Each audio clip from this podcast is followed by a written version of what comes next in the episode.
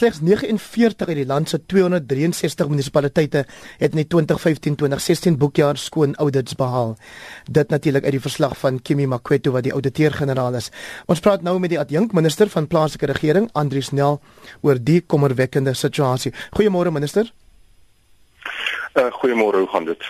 Dit gaan baie goed, dankie. Sê vir ons, wat gaan aan dat ons slegs 49 skoon audits uit 263 munisipaliteite kry? Oh, baie dankie. Ek ek maar ek ek wil ek wil die vraag effens anders stel. Die die die die die positiewe tendens en dit is 'n tendens wat uit elke ouditeur-generaal verslag vir die afgelope 10, 15 jaar kom. Dit dat ons munisipaliteite se auditstatus verbeter. Trouens vir die 14 vir die 15, 16 finansiële jaar het 62% van ons munisipaliteite of skoon of ongekwalifiseerde audits uh, gekry.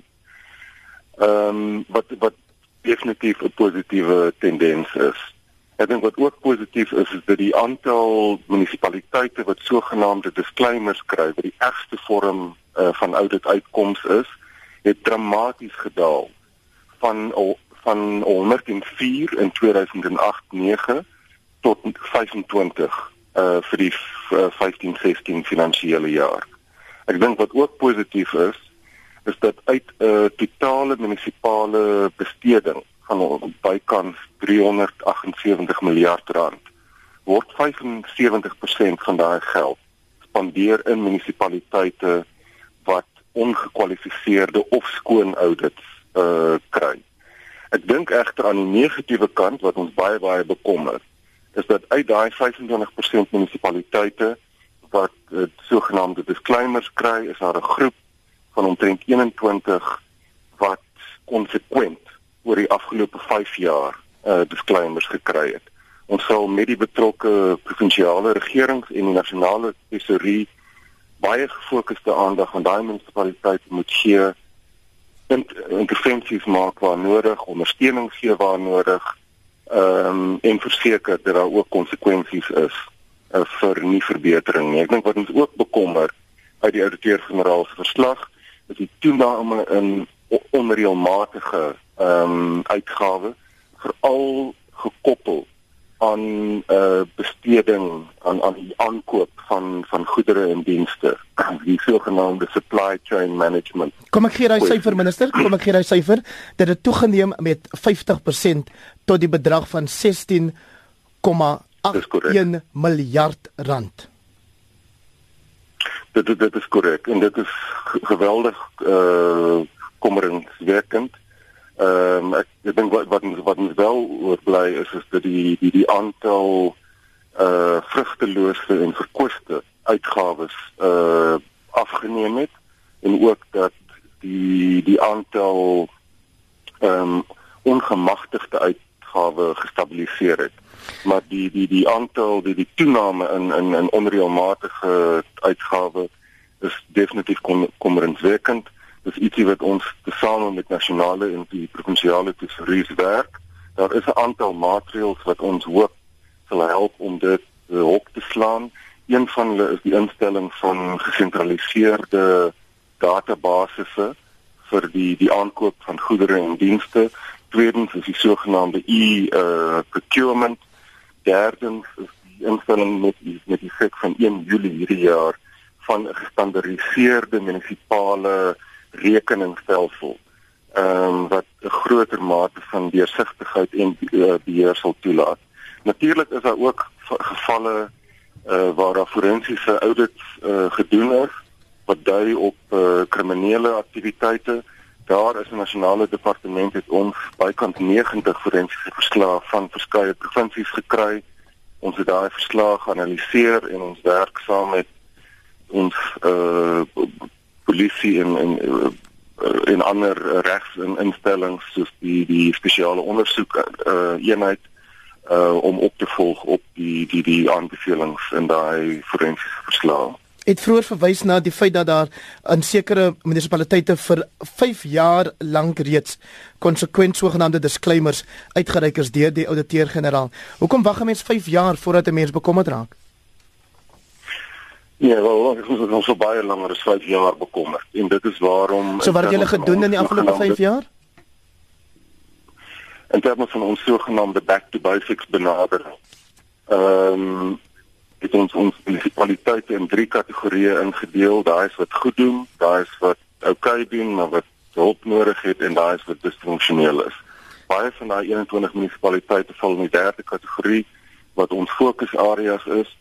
In 'n uh, aantal van daai munisipaliteite is daar al reeds ingetree in uh, voor my het uh, het ehm uh, die Bredel gepraat oor munisipaliteite soos Kannaland en Oudtshoorn.